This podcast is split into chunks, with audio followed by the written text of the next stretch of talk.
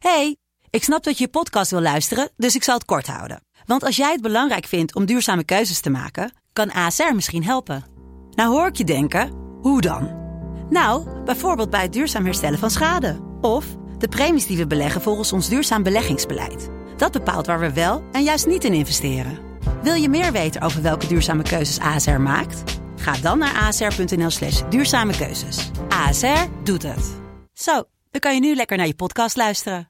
Hey, ik snap dat je je podcast wil luisteren, dus ik zal het kort houden. Want als jij het belangrijk vindt om duurzame keuzes te maken, kan ASR misschien helpen. Nou hoor ik je denken, hoe dan? Nou, bijvoorbeeld bij het duurzaam herstellen van schade. Of de premies die we beleggen volgens ons duurzaam beleggingsbeleid. Dat bepaalt waar we wel en juist niet in investeren. Wil je meer weten over welke duurzame keuzes ASR maakt? Ga dan naar asr.nl slash duurzame keuzes. ASR doet het. Zo, dan kan je nu lekker naar je podcast luisteren. De stroom.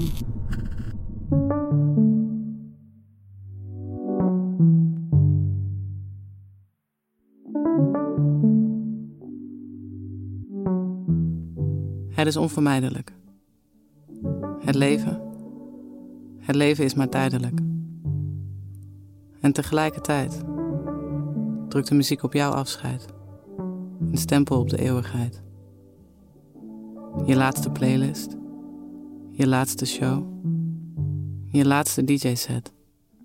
Je laatste solo. De laatste keer.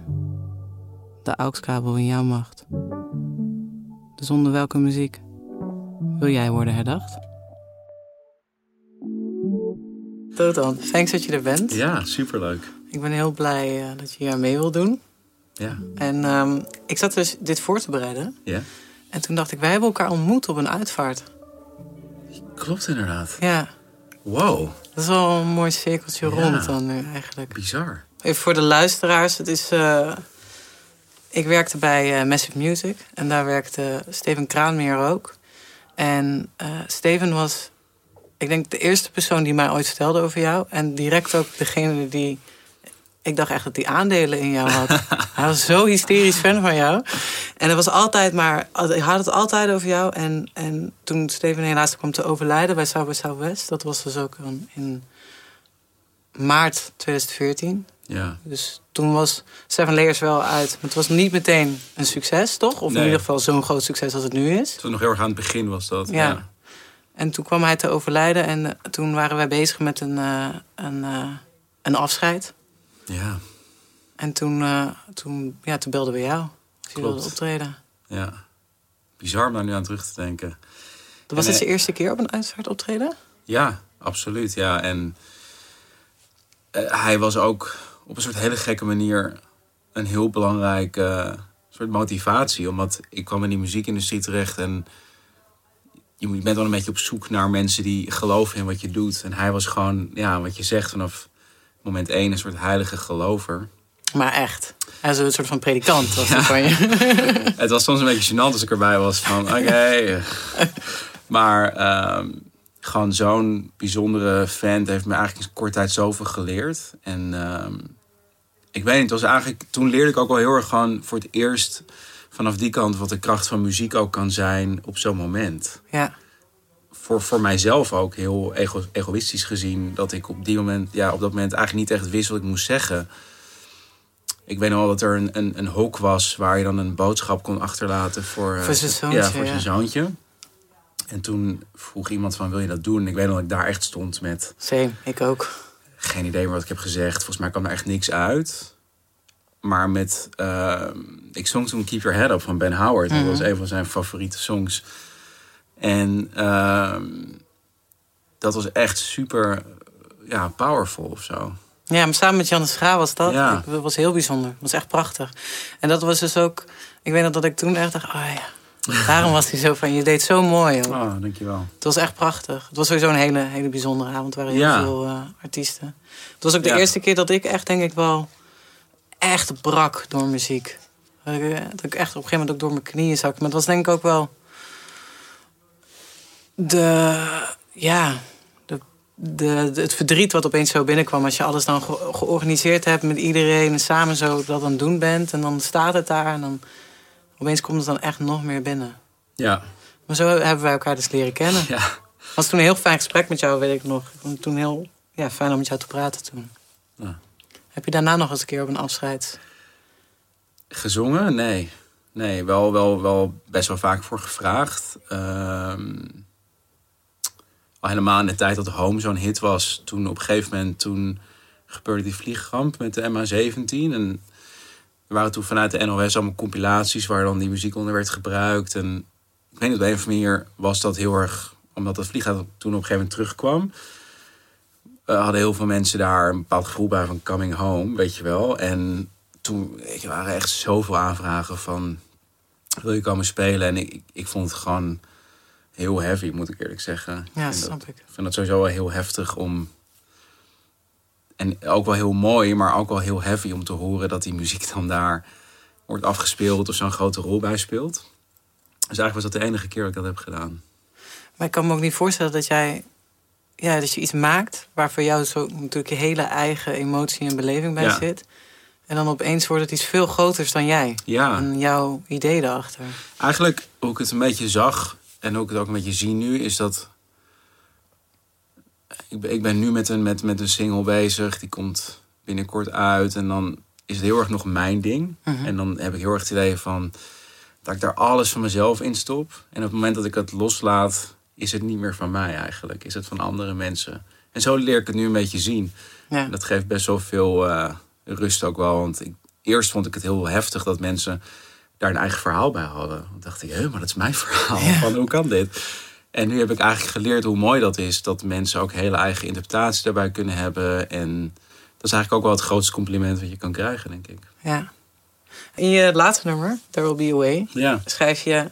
Finding myself in the light, feeling comfort in the pain, like I'm alive again. ja. En ik vroeg me dus af... Heb jij het gevoel dat je een soort van nieuw leven hebt? Een Ja. tweede leven hebt gekregen?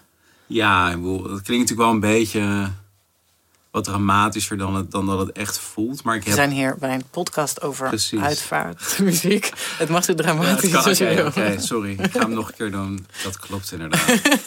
Nee, ehm, ik heb gewoon heel erg het gevoel dat je... Dat er een nieuw hoofdstuk is begonnen. Voor mij. Ja. En dat ik... ehm, ja, dat ik daarin echt gewoon... Alles anders aanvlieg en ander- anders zie ook wel. ja.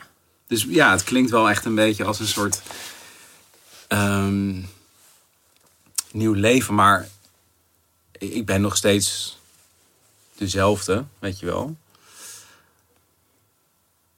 Maar ik heb, ik heb, gewoon, ik heb gewoon ook gewoon geleerd dat eh, om, om gewoon veel opener te zijn. Ben je daar blij mee? Voelt het als een last die van je schouder gaat? Ja, het is ook een stuk moeilijker. Want het maakt ook dat je veel kwetsbaarder bent. En dat dingen eh, Ja, voelt dat zo? Ja, voelt wel zo, ja. Het kan wel zo zijn dat je bijvoorbeeld...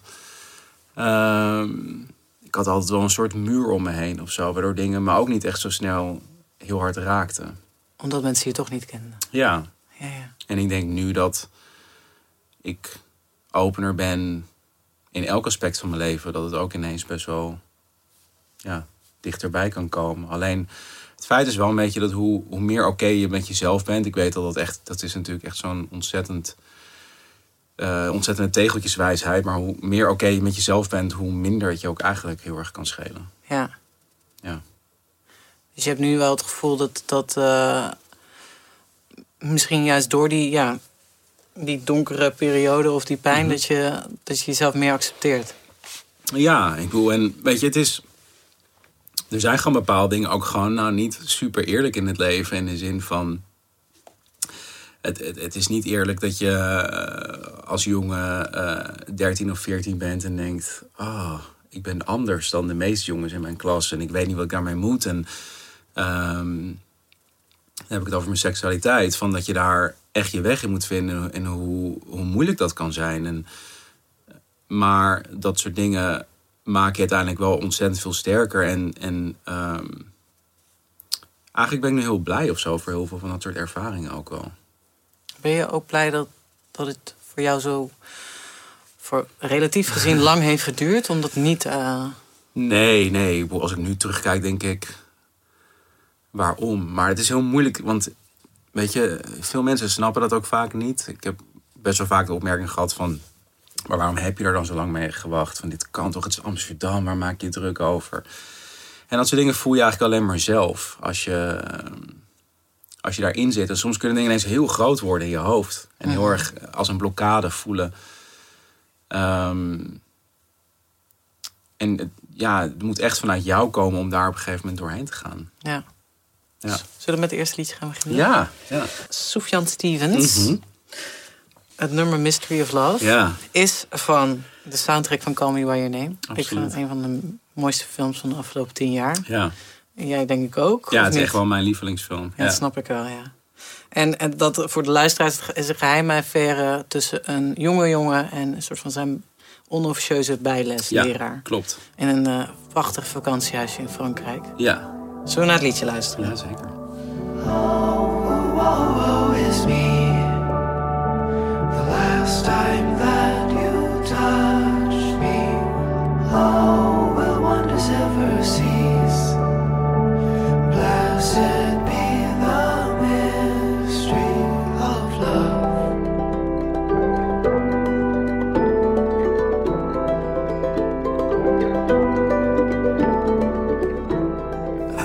Heel goed herinneren dat ik... eh, ik zat hier in Amsterdam in de zaal. ehm, in, in, in Pathé de City.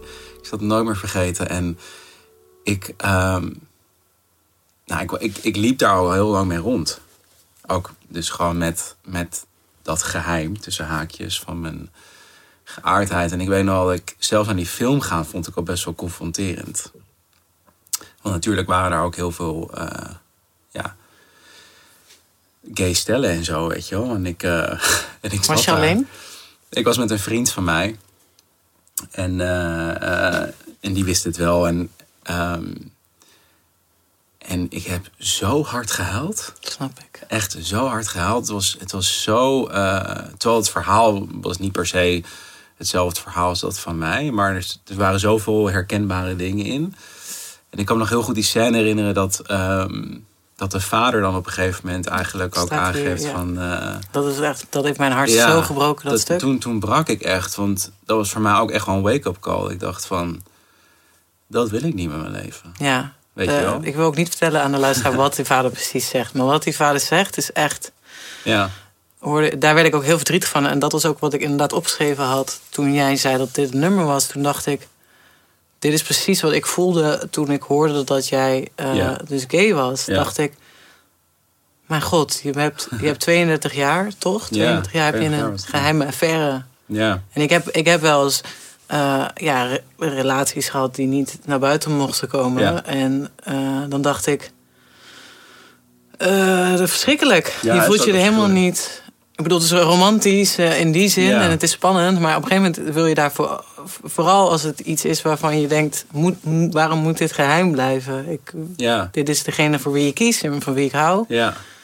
Het was zo ver bij mij dat ik gewoon op een gegeven moment dacht... oké, dit is gewoon niet voor mij bedoeld of zo. Ik was zo ver in dat, in dat gedachtepatroon van...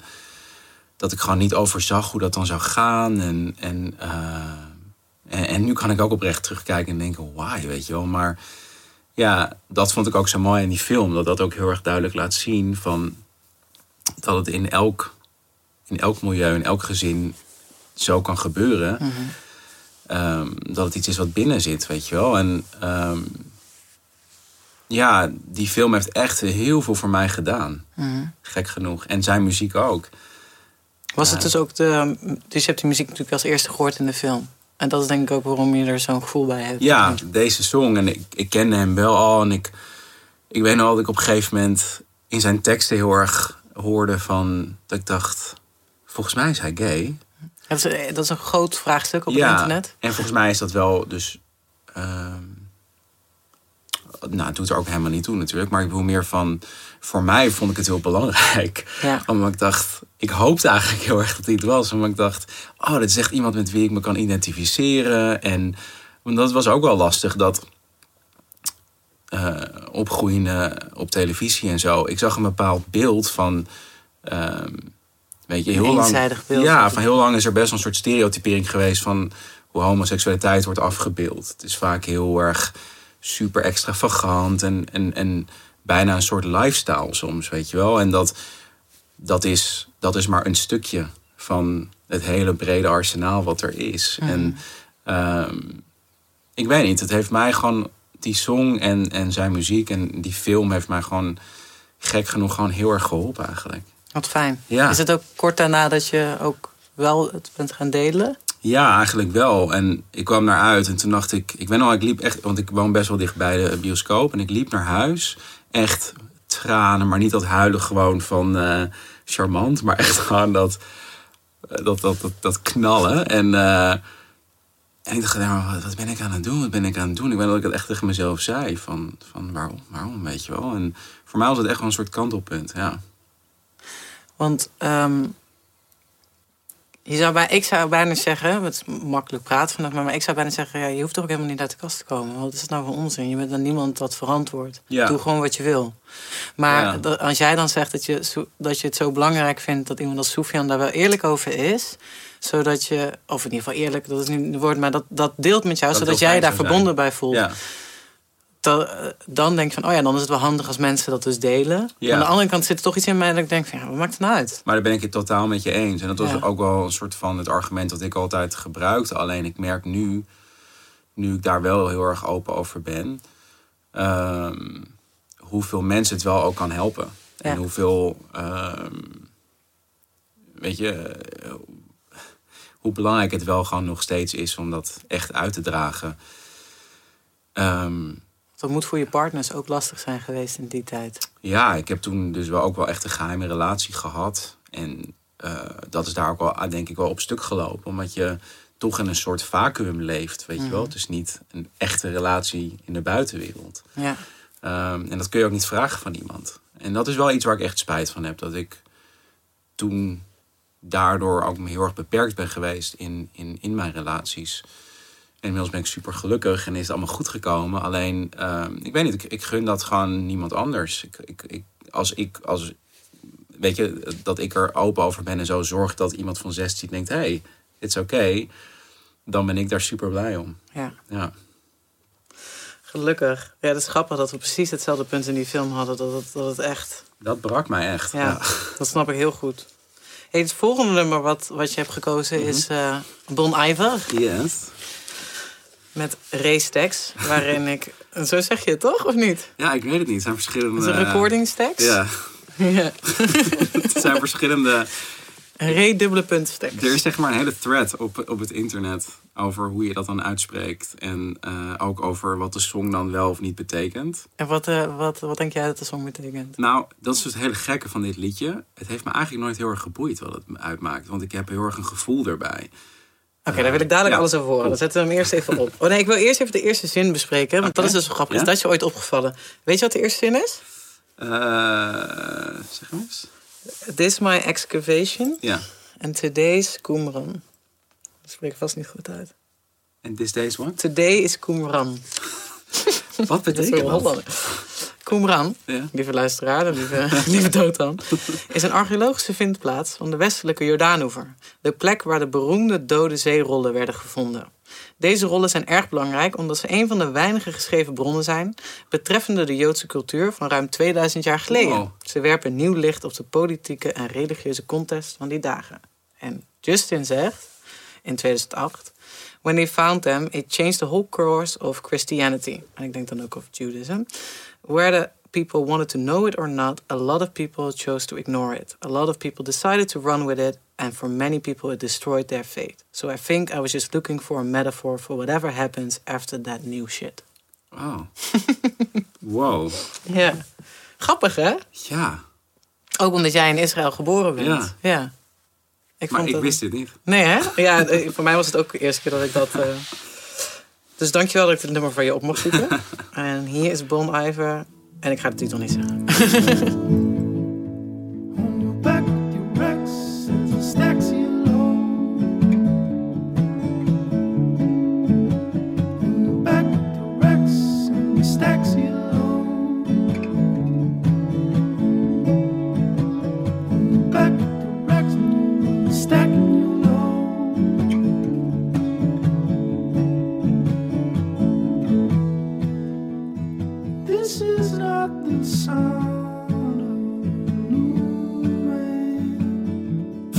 deze song eh, echt een soort eh, ja, medicijn. Het is gewoon. ehm,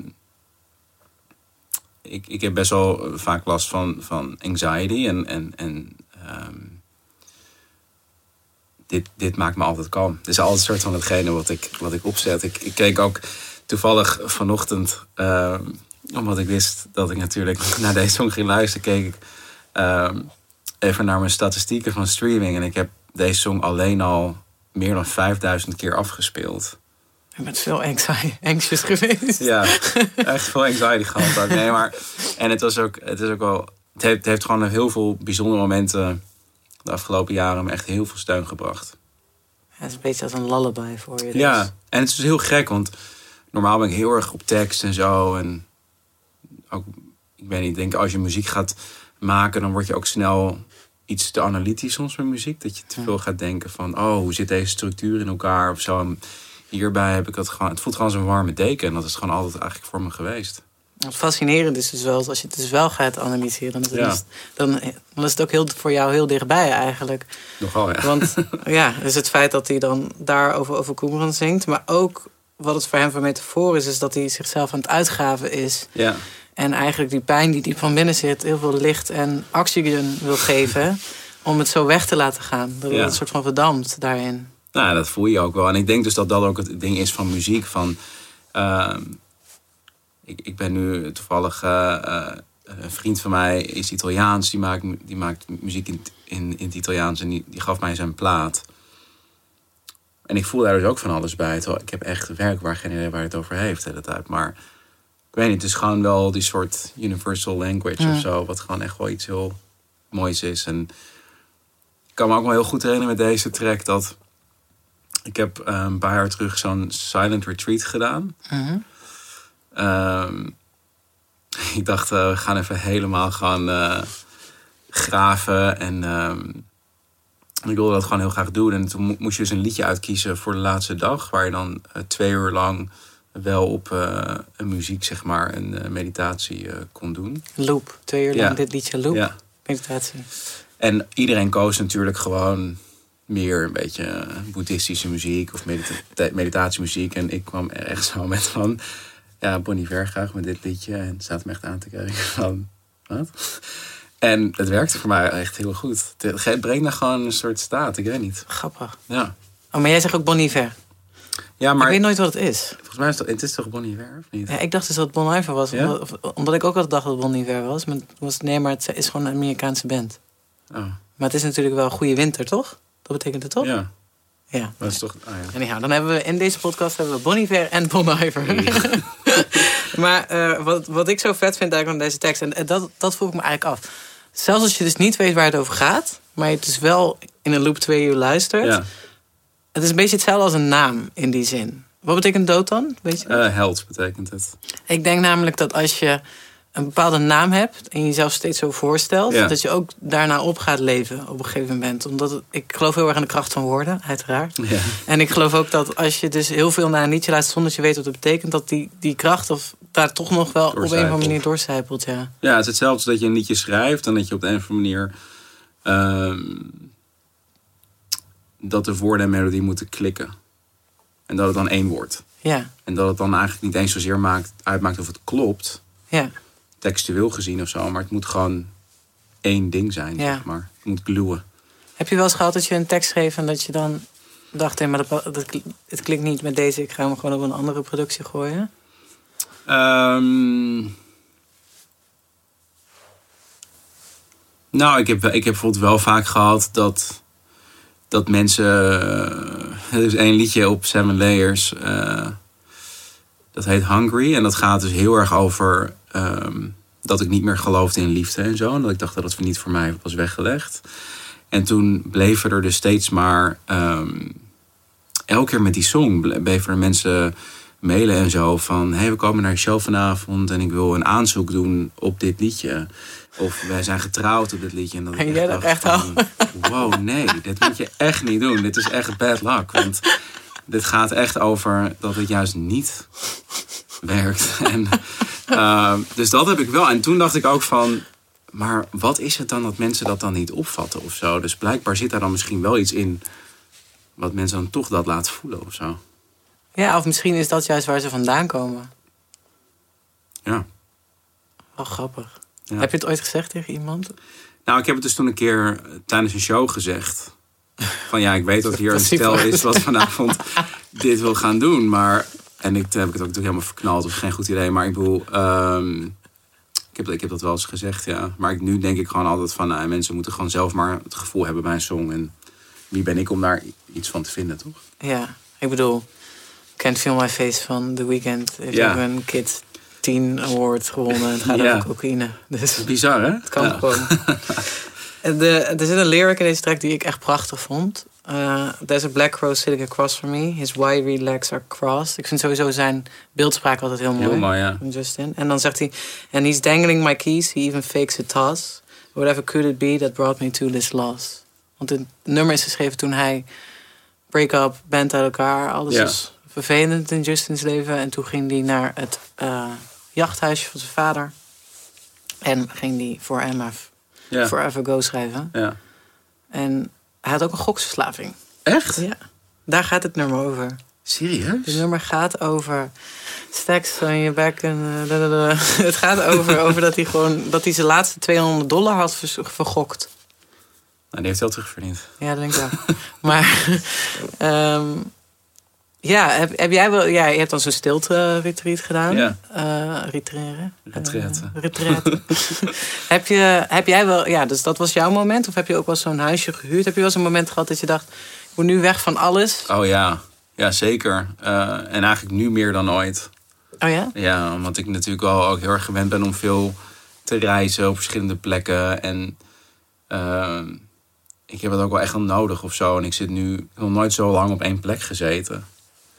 Hier, hier in Amsterdam, dat is echt, eh, de muren komen echt, zoals bij iedereen waarschijnlijk, echt op me af. Dus het is moeilijk om ergens inspiratie nog vandaan te plukken op het moment. Dus eh, dat is wel waar ik toevallig vanochtend naar aan het kijken was. Naar huisjes in de Ja, natuur. kan ik ergens op de hei eh, Ja. me even opsluiten. En ja, dat, dat werkt voor mij gewoon altijd heel goed om even weg te zijn van alles. Ja. Ja. Snap ik wel. Het volgende nummer. Ja. Namelijk James Taylor. Die Mhm. 18 jaar verslaafd is geweest aan heroïne. Mhm. Waar ik heel erg van schrok. Ja, ik ook. Omdat in mijn ogen is James Taylor best wel een brave man. Ja, zo, zo zingt hij ook en zo. Dus Ja. dat is helemaal niet... eh, Maar hij heeft die brave liedjes high en de, aan de heroïne geschreven. ja, bizar hè? Heb jij wel eens gehad dat je dacht van... Oeh, nu moet ik ergens mee stoppen, want dat kan gevaarlijk zijn voor mijn carrière? Qua drugs en dat soort Ja, dingen? drugs of misschien gok of misschien... Eigenlijk helemaal niks. Nee, ik heb eh, wat dat betreft... zijn er echt momenten geweest dat ik dacht... hoe kan het zijn dat ik niet iets heb gedaan? Maar ik ben er altijd heel, eh, heel erg ver vandaan gebleven. Ik ben er altijd heel bang voor geweest ook. Ja. Ben Is dat vanuit opvoeding? Dat je ouders zeiden van, daar moet je van afblijven? Ehm, nou, ik heb in mijn familie best wel veel alcoholisme gezien. En dan word je al sowieso alerter. Dus ik was al vanaf vrij jongs af aan dat ik echt wel glazen alcohol telde van mensen en zo. Een beetje in te schatten van waar, waar zit diegene. En, ehm, dus dat heeft er altijd wel echt wel in gezeten. En ik was gewoon best wel een bang kind altijd voor dingen. Ik was bang voor alles wat, ehm, wat een soort dark side was. Best wel gek. Ik had al heel, weet je, als ik toen, ik ben nog dat ik naar de middelbare school ging. En dat ik gewoon heel bang was. Dat ik dacht van, oh, nu komt dus, kom je op een leeftijd dat mensen dus dat soort dingen misschien gaan doen. En, Was je bang dat je daar dan ook eh, open voor zou staan? Dat je misschien naar- die dark side zou gaan? nou, nee, maar ik was altijd heel bang. Ik, ik, eh, hoe zeg je dat? Ik, ik, ben, ik was al best wel heel jong, denk ik, extreem volwassen. En dan met heel veel andere dingen bezig dan andere mensen. Ik was heel veel aan het denken. Ik was, ja, ik was heel erg een Einzelganger. Ik ging gewoon mijn eigen weg. En, maar ik had ook heel erg een soort stuk deel van mijn jeugd gemist, voor mijn gevoel. En ik was altijd heel bang dat die, dat, dat, dat, dat die kans om dat soort van die onschuld te beleven, dat die weg zou gaan, zeg maar. Eh, volg je me nog? Mhm. Ja, ja. En, en daar, eh, daar zat het hem volgens mij gewoon heel erg in. Dat ik daar heel veel angst voor had. Heb je nu het gevoel, heb je nu die angst nog wel eens?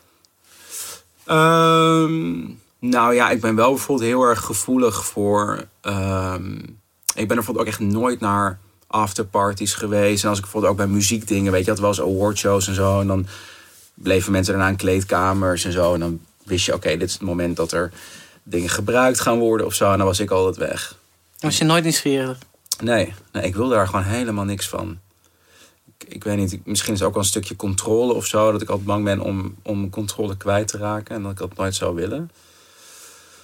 Maar eh, ja, ik heb het gewoon, het verandert gewoon mensen. En op een gegeven moment zie je dat natuurlijk ook wel om je heen met mensen met wie je werkt. En andere artiesten en zo. En dan zie je dat ook van dichtbij. En dan denk je van, nou, dat eh, haalt niet altijd het allerbeste in mensen naar boven. Dus Ja. daar, daar blijf ik liever bij weg. Ja. Interessant. Want ik, ik- Hoe is dat voor jou? nou, ik, ik, heb dat, ik heb dat ook altijd gehad. Als mijn moeder heeft het mij echt ingetrapt. Dat het ongeveer het meest ergste is wat je ooit kan doen. Of zo. Ik vond het ook altijd heel ordinair. Oké. Ik weet niet, ik vond het een hele ordinaire handeling. Ja. Vooral, vooral dan natuurlijk, kijk, een, iets doorslikken, dat doet iedereen. Maar, maar het snuiven, dat doe je niet. Ja. Eh, in, in, Überhaupt niet, bedoel je? eh, Ja. In een dag. Ja.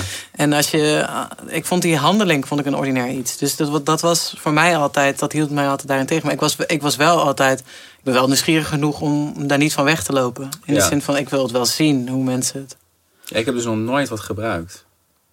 Nou ja, Dat is echt bizar volgens mij. Want maar ik, heb jij nog nooit ook eh geestverruimende dingen gebruikt die niet per se partydrugs zijn? ik heb, ik heb een, een joint gerookt toen ik eh 16 was. En dat, dat was het. En heb je, dus je hebt nooit gecreëerd op drugs? Nee.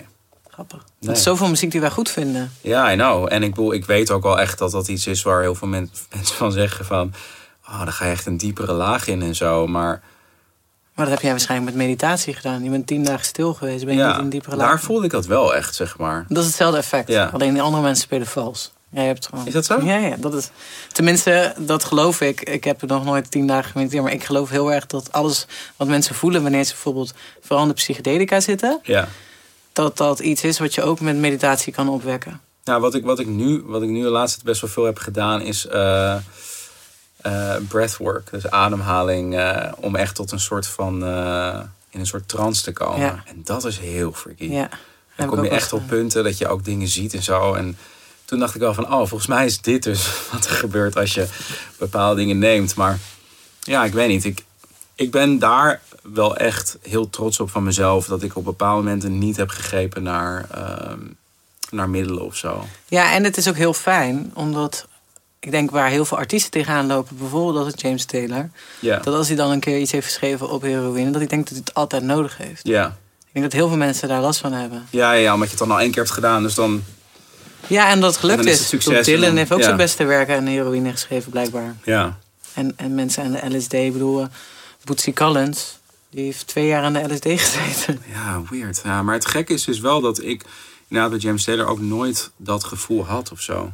Was Ja. echt dat ik het toen heel veel ben gaan lezen erover en zo. En toen erachter kwam. Ehm, maar hij was gewoon de artiest die bij ons altijd... Mijn vader heeft mij echt ongeveer... eh, eh, ja, een soort van obsessief bewerkt met James Taylor platen. En ehm, ik had nooit gevoeld. En we hebben hem ook samen ontmoet een paar jaar terug. Dus dan- ik heb mijn vader toen meegenomen naar een concert. En toen had ik geregeld dat we dan backstage even met hem konden praten. En nou, mijn vader is niet zo heel snel, was nooit zo heel erg onder de indruk van wat ik deed. Tot dat moment. Dat is iets van, oh ja, we staan hier nu met James Taylor. Dit is eh, een big deal. En toen zag ik hem ook. En toen zag ik eigenlijk dus ook van dichtbij wat er, hoe geleefd hij eigenlijk ook eruit zag. Eh, En dat zie je nooit natuurlijk van, van ver af of zo. Ehm, maar het was werkelijk waar. We hebben echt een half uur gepraat. Het was echt een van de liefste mensen die ik ooit heb ontmoet. Zoveel tijd nemen. En ehm, was een hele bijzondere, bijzondere ervaring ook voor mij en mijn vader om dat samen te doen. Om dat vanuit een soort stukje je- jeugdnostalgie dan dat soort van werkelijkheid te laten worden. Nou, bijzonder ook voor je vader, dat je, zo, dat je je zoon daarmee Ja, mee brainwashed dan vervolgens. het terug te krijgen. Nee, ja, en het was ook echt, we zaten ook echt allebei gewoon daar. Alleen maar gewoon met een brede grijns dat hele optreden te, te bekijken. En we hebben het er nog steeds heel vaak over. Van wauw, weet je nog, dat is zo bijzonder. ja, wat gaaf. Want jij hebt een nummer. Welk nummer heb je gekozen van? Carolina in my mind. En waarom heb je dat nummer gekozen? Nou, het gek is dus dat het ook een soort tweede lading heeft. Want ehm, het is namelijk echt een ontzettend zoet liedje. Eh, en het gaat heel erg over zijn liefde voor eh, North Carolina, waar hij vandaan komt. En mijn, mijn lief komt uit North Carolina. Dus dat was heel gek dat ik... eh, ik had daar nooit over nagedacht. Ik dacht dat eh, toen ik jong was, dacht ik dat het over, over een, een vrouw ging die Carolina heette. Ja, dat ik, eh, ja, geen idee. En, ehm, en, en we, dus ik ben toen niet afgelopen kerst, maar de kerst daarvoor voor het eerst daar geweest. Ook met hem. Ehm, ik had er wel eens gespeeld, maar ik was nog nooit echt daar heel bewust geweest. Toen dacht je, oh, daarom. Nee, toen hebben, we, toen hebben we echt die song aangezet in de auto... op weg van het vliegveld naar eh, zijn ouders.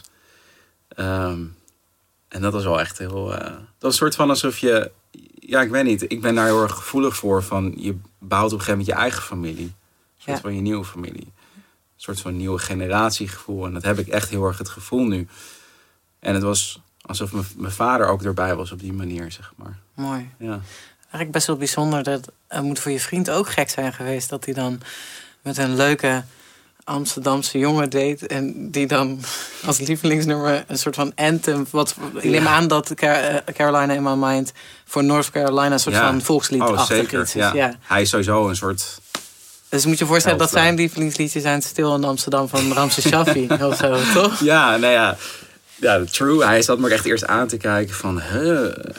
En, en, maar hij, hij vindt het wel heel schattig volgens mij. En nu, nu draaien we dat echt heel vaak. Wat leuk. We Ja. gaan hem even luisteren. In my mind, I'm gone to Carolina. Can't you see the sunshine? Can't you just feel the moonshine? Ain't it just like a friend of mine from behind? Yes, I'm gone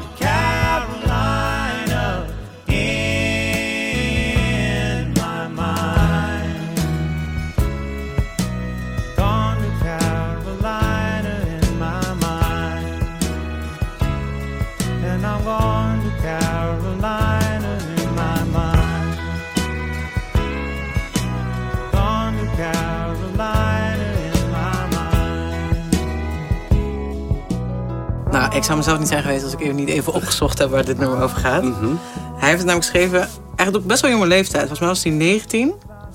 En het was een vakantieliefde. Eh, hij was in Londen at the time. Een, ehm, voor eh, Apple Records was hij op aan het nemen. Hij was de eerst getekende artiest bij het label van de Beatles, dus Apple Records. En eh, hij ging toen even naar Spanje toe om een soort van te unwinden. En toen had hij Karen ontmoet, een Scandinavisch meisje. En toen zijn ze samen naar een eiland toe gegaan. Hebben ze daar op het eiland rondgelopen. En toen ging de laatste boot ging niet meer. Hebben ze het gemist. En toen konden ze ook het hotel niet betalen.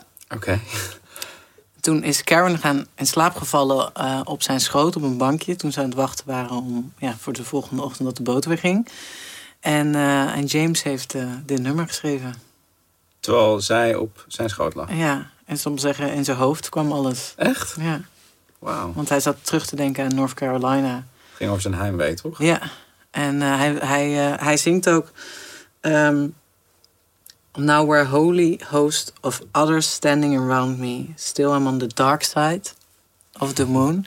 Wat eigenlijk gaat over zijn... ja, eigenlijk over zijn... Het, nu zouden we het noemen imposter syndrome. Oh ja. Dat hij, hij was groot fan van de Beatles. Ja, ja. En hij werd getekend door de Beatles. Ja, hij moest bizar. ook auditie doen voor McCartney Ja. en George Harrison. En hij werd getekend. En toen moest hij opeens gaan presteren. Ja. Eh, dus hij, hij, hij vond het heel eng. Ja, hij vertelde dat toen ook tijdens het optreden. Dat hij dat verhaal dat hij nog steeds er zo verbaasd over is. Ik vind het sowieso heel mooi dat iemand op zijn leeftijd gewoon nog steeds... Hij hoeft echt niet meer voor het geld of wat dan ook te doen. Maar dat, je ziet gewoon dat hij zoveel houdt van spelen. En hij, dat hoop ik ook echt nog op die leeftijd wel echt te hebben. Maar ik kan me heel goed voorstellen wat hij voelt. Dit is heel vaak natuurlijk... Dat hoor je vaak van mensen. Dat, dat je... Dat heb ik ook wel dat je ergens wel het gevoel hebt altijd van... oh, ze gaan er nu achter komen dat ik... dat ik helemaal niet zo goed gitaar kan ja, Dat ik spelen. eigenlijk helemaal niet zo goed kan zingen. Of dat ik eigenlijk helemaal niet zo goed kan schrijven. Of, eh, dat is natuurlijk altijd wel een soort angst die je met je meedraagt. En die onzekerheid moet je ook hebben. Volgens mij is dat ook de enige manier om je soort van... Ja, hoe zeg je dat? On top of things te houden of zo, weet je wel? Ja, Ik denk dat we ook wel in een land leven waar je eerst een soort van heel erg boven komt drijven. En dan zijn mensen echt onwijs je supporters. Maar als het op een gegeven moment te goed gaat, dan, eh, dan krijg je ook wel ja, heel snel te maken met mensen die, die dat gaan proberen onder je vandaan te zagen of zo. En dan moet je gewoon sterk staan en Ja. dat ook een beetje langs je heen laten glijden, zeg maar.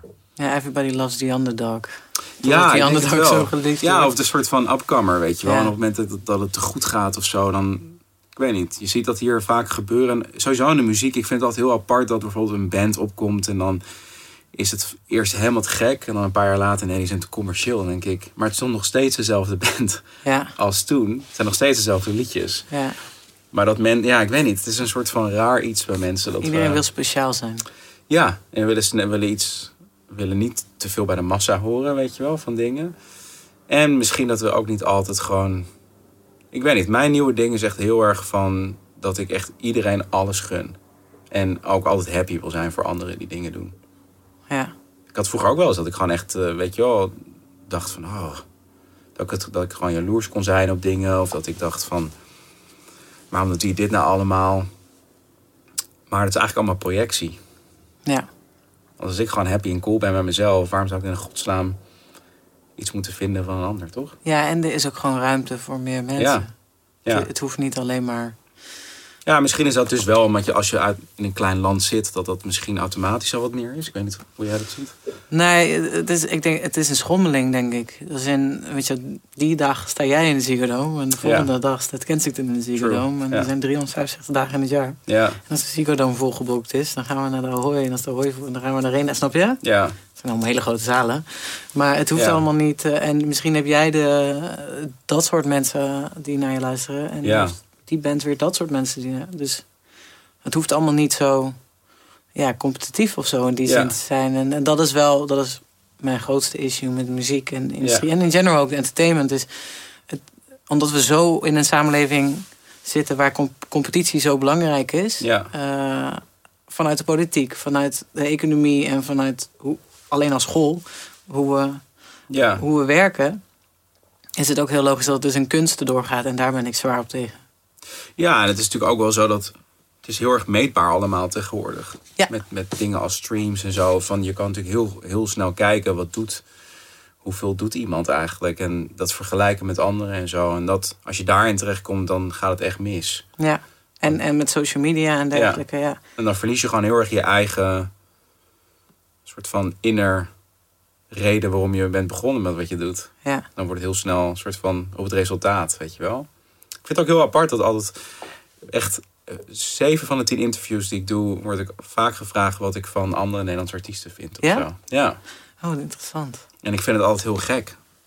Vooral in de tijd ook dat bijvoorbeeld, bijvoorbeeld Kensington en ik en een paar andere... Zij waren een beetje zo'n soort, soort generatie.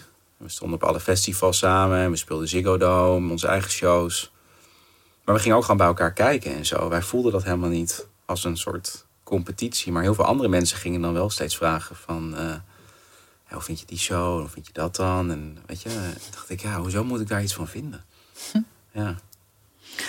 Welk nummer had je gewild dat je had geschreven? Oeh. Dus dat bedoel ik niet over de cijfers, maar echt over de songstructuur of boodschap. Of... Wauw. Ik dacht, ik gooi er even een makkelijke vraag in. Vond je de rest wel makkelijk dan? Nee. Makkelijk. Nee, maar ik bedoel... Het is mijn middle name. ehm, gewoon echt gewoon als in het, het meest kloppende liedje-achtig. Ja, ik, ik bedoel, ik heb wel eens iets gelezen of iets gezien dat ik dacht, shit, had ik hier, was ik, had ik, had ik dit maar gemaakt, wat prachtig. Ja. Ehm, ja, bijvoorbeeld een eerste song die opkomt is Let It Be. Ja, Omdat het gewoon zo'n ontzettende rake track is, gewoon direct. Weet je wel, van gebeurt eigenlijk niet. maar wat ik me dan wel afvraag is, als de Beatles het niet hadden uitgebracht, of het dan ook zo'n succes zou zijn geweest. Dat paste natuurlijk ook heel erg in het plaatje van de Beatles. True, maar ja, dat is natuurlijk met heel veel dingen het geval een beetje. Ja, Toch? Van, ja, ik, ik hoop, ik, ik weet niet, er is gewoon altijd iets in mij wat altijd heel erg hoopt dat het toch zo'n uitspraak van als het goed is, komt bovendrijven. En ik hoop er altijd heel erg op. Maar ik heb het ook heel vaak gezien dat het niet gebeurt. ja, maar het is nog niet het einde. True. Het Maar er zijn wel dingen die echt worden gemist. Dat ik denk van, wat gebeurt hier? Hoe kan dit? Heb je het over ondergewaardeerde artiesten bijvoorbeeld of nummers? Ja, Ja, maar als ik kijk naar bijvoorbeeld artiesten die ik ondergewaardeerd voel, dan bijvoorbeeld een Arthur Russell, Mhm. die dan in de jaren tachtig bezig was en daar overleden is. Eh, die heeft nu zoveel artiesten geïnspireerd op dit moment, ja, dat het dan dus toch ergens goed voor was dat hij heeft bestaan. En juist misschien ook nog zo, zo low-key is gebleven. Omdat er dan dus muzikale snobs zeggen... nee, nee, nee, deze is te Ja, ja, populair, ik neem dat niet serieus, weet je wel? ja, En daardoor hebben we wel nu hele mooie muziek van allemaal andere artiesten... die door hem geïnspireerd zijn. ja, De, dat is dus tenminste altijd wat ik tegen artiesten zeg. Van, je kan ook gewoon een Van Gogh zijn. Je kan ook gewoon mensen inspireren zonder dat je dat helaas in dit leven mee mag maken. Maar dat betekent niet dat jouw werk niet ertoe doet. Nee, en sowieso is dat, dat, dat is natuurlijk het hele ding van... Er is een stuk van de resultaten. En dat is heel moeilijk om daar niet aan, eh, aan toe te geven. Mhm. Omdat de hele... Mijn industrie is gewoon gebouwd op, eh, op cijfers nu inmiddels. Ja, maar uiteindelijk is het wel... Ik ben het helemaal met je eens. Ja, Alleen, maar vanuit de industriekant bedoel ik dan, Ja. weet je. En de fankant, die willen gewoon dingen voelen. ja, Die willen mooie muziek horen, die willen het was altijd al gebouwd op cijfers. Alleen Ja. is het nu duidelijker voor de fans. Ja, Maar is er ook veel meer ruimte voor eh, artiesten die daar niet mee bezig zijn. ja. dat is Eh, waar, ja. En die daar ook misschien nog niet zoveel als ze zouden moeten verdienen, maar daar wel in ieder geval een leven mee kunnen opbouwen. Wat vroeger Ja. echt een stuk lastiger was. Want als je en geboycott werd door de radio, en niet in de Free Record Shop lag, en niet geboekt werd, dan, had je gewoon, dan was je gewoon klaar. in de restaurantjes op aan het treden. Maar nu kun je nog Ja. altijd wel online een, een following bouwen. en dan heb je ja. misschien een, in Polen een, een nummer 1. Gefeliciteerd trouwens met je gouden plaat in Italië. Dankjewel, ja. Is het de eerste keer in Italië? Ja, eigenlijk de eerste keer buiten Nederland of België. Gefeliciteerd. Ja, heel bizar. Vooral in dit jaar natuurlijk. Want daar hebben we het helemaal niet over gehad. maar dat is denk ik wel een beetje bekend bij de luisteraars... die jou een beetje gevolgd hebben het afgelopen jaar. Je hebt een fantastisch jaar gehad. Ja, Maar iedereen een rot jaar heeft gehad. Er had. nee ja, eh, het was natuurlijk ontzettend frustrerend wel om eh, die muziek te zien reizen. En ik zelf letterlijk vast zat en nergens Ja. heen kon. Maar ja, eh, voor mij, ik, ik heb nog nooit eh, zoveel mensen bereikt eigenlijk het afgelopen jaar. En Ja. ook echt in landen, nou, als inderdaad Polen en Rusland en Zwitserland en Israël. En ja, die muziek is daar allemaal boven komen drijven. En ehm, Maar dan komt het goede toch bovendrijven. En ook, en ook het moment dat jij echt, echt eerlijk bent geweest... en Ja. echt dat allemaal hebt gezegd wat jij wilde zeggen... ja, en ook niet meer meedoet met, met die red race... ja, waar je zelf wel echt in zat... ja, tuurlijk. ja. mede door je succes... Ja, en ik zat ook, weet je, het was mijn hele. Ik zat ook in een heel andere game. Ik, was, ik zat bij een, bij een grote platenmaatschappij. En ik had heel veel mensen die zich tegen me aan bemoeiden en overal wat van vonden. En, en, ehm, en dit was echt gewoon, weet je, mijn manager en ik. Het was gewoon, het was gewoon wij tweeën. Maar nu ben je succesvoller dan ooit. Ja, gek hè? Op een eerlijkere manier. Ja, maar ook die gewoon. minder omgaat met cijfers. Ja, en, en, en ook op een manier die veel, veel meer is, waar ik me ook veel prettiger bij voel. Ja, dat bedoel ik ook met dat je... Ja. Met eerlijk bedoel ik authent- ehm, ja, meer authenticiteit daarin. Want je hebt minder mensen die zich mee moeien. Ja. Ik kan me voorstellen dat jij nu gewoon bij Eetbal komt, je EP aflevert en zegt dit is het. Ik, nu is het gewoon echt letterlijk van ik maak iets en dat is gewoon. Ja, Dat ik is wil het. niks horen, dit is hoe ik me voel. Hier. Ja, en, en niet vanuit een arrogantie, maar meer vanuit ik ga daar nooit meer concessies in maken. Nee, en, en zo hoort het. En ik wil ook gewoon, als ik volgende week iets uit wil brengen, wil ik het gewoon uitbrengen. En Ja. ik wil gewoon die relatie hebben met. Dat is namelijk echt hetgene waar ik. ehm, daar kan ik echt emotioneel voor worden als ik over nadenk. Als ik echt nadenk over van. Dat er gewoon mensen zijn die met jouw muziek leven en dingen meemaken. Dat Die- is zo bijzonder. Voordat ze tien dagen gaan mediteren, twee Ja. uur naar home luisteren. Ja, bijvoorbeeld. bijvoorbeeld. Of weet je, dat, dat, hoe ik dat heb met muziek. Hoe belangrijk dat voor mij is geweest. Muziek is echt oprecht altijd de enige constante factor in mijn leven geweest. Waar ik dat niet had toen ik opgroeide en zo, was dat, was dat gewoon mijn, eh, mijn, mijn constante altijd. En dat je, dat, dat je die relatie kan bouwen met mensen die naar je shows komen en, en, en dingen vinden in je muziek. Dat is toch, dat is toch bizar? Het is zo mooi. Heb je dan ook, nu je dat echt doorhebt, dat je meer schrijft vanuit jezelf? Dat je, die, dat je dat, die verantwoording voelt? Of dat je meer schrijft naar buiten toe? Nee, het is nog wel echt gewoon vanuit mij. Het is wel echt mijn uitlaatklep. En ehm, ik denk daar eigenlijk nooit over na. Van, je bedoelt meer van, oh, kan iemand zich hierin vinden? Of zo. Nou, meer van als je dan ook, als je beseft dat mensen zo met jouw muziek leven, dat je ook denkt van wat wil ik ze dan eigenlijk vertellen? Ja, ik probeer wel gewoon. Ik probeer wel zeg maar. eh, weet je bijvoorbeeld, ik weet nog op mijn vorige album ehm, was alles best wel verborgen. Dus eh, heel ironisch, maar ehm, er staan gewoon songs op waar ik, waar ik ook verbaasd van ben dat mensen niet door hadden waar het over ging. Maar het was allemaal zo cryptisch en, en beeldend. En nu ik weet niet, ik zie het ook wel een soort van als mijn taak om daar echt zo direct en rauw mogelijk in te zijn dan of zo. En dat voelt gewoon heel fijn. Beetje als Let It Be.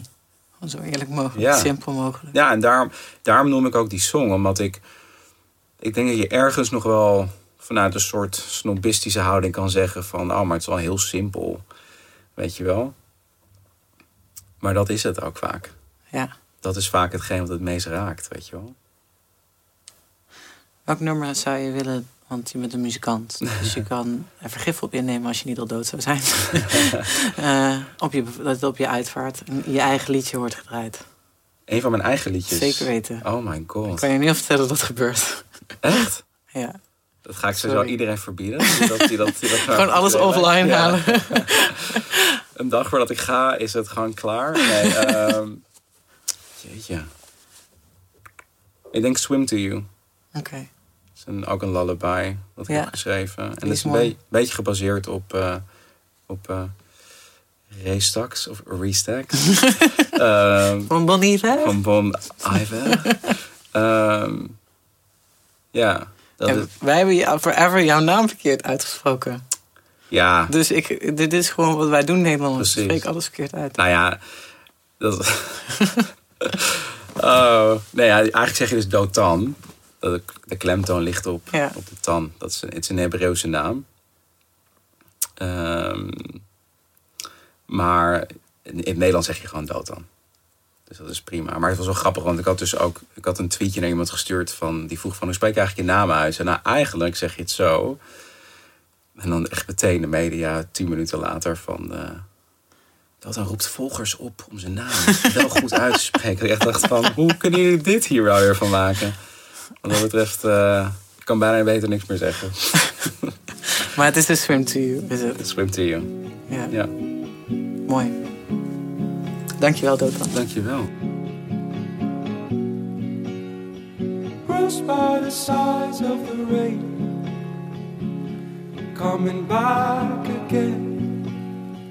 On God, memories fade, old pictures remain. Speak slowly to me, my dear, and I'll swim to you.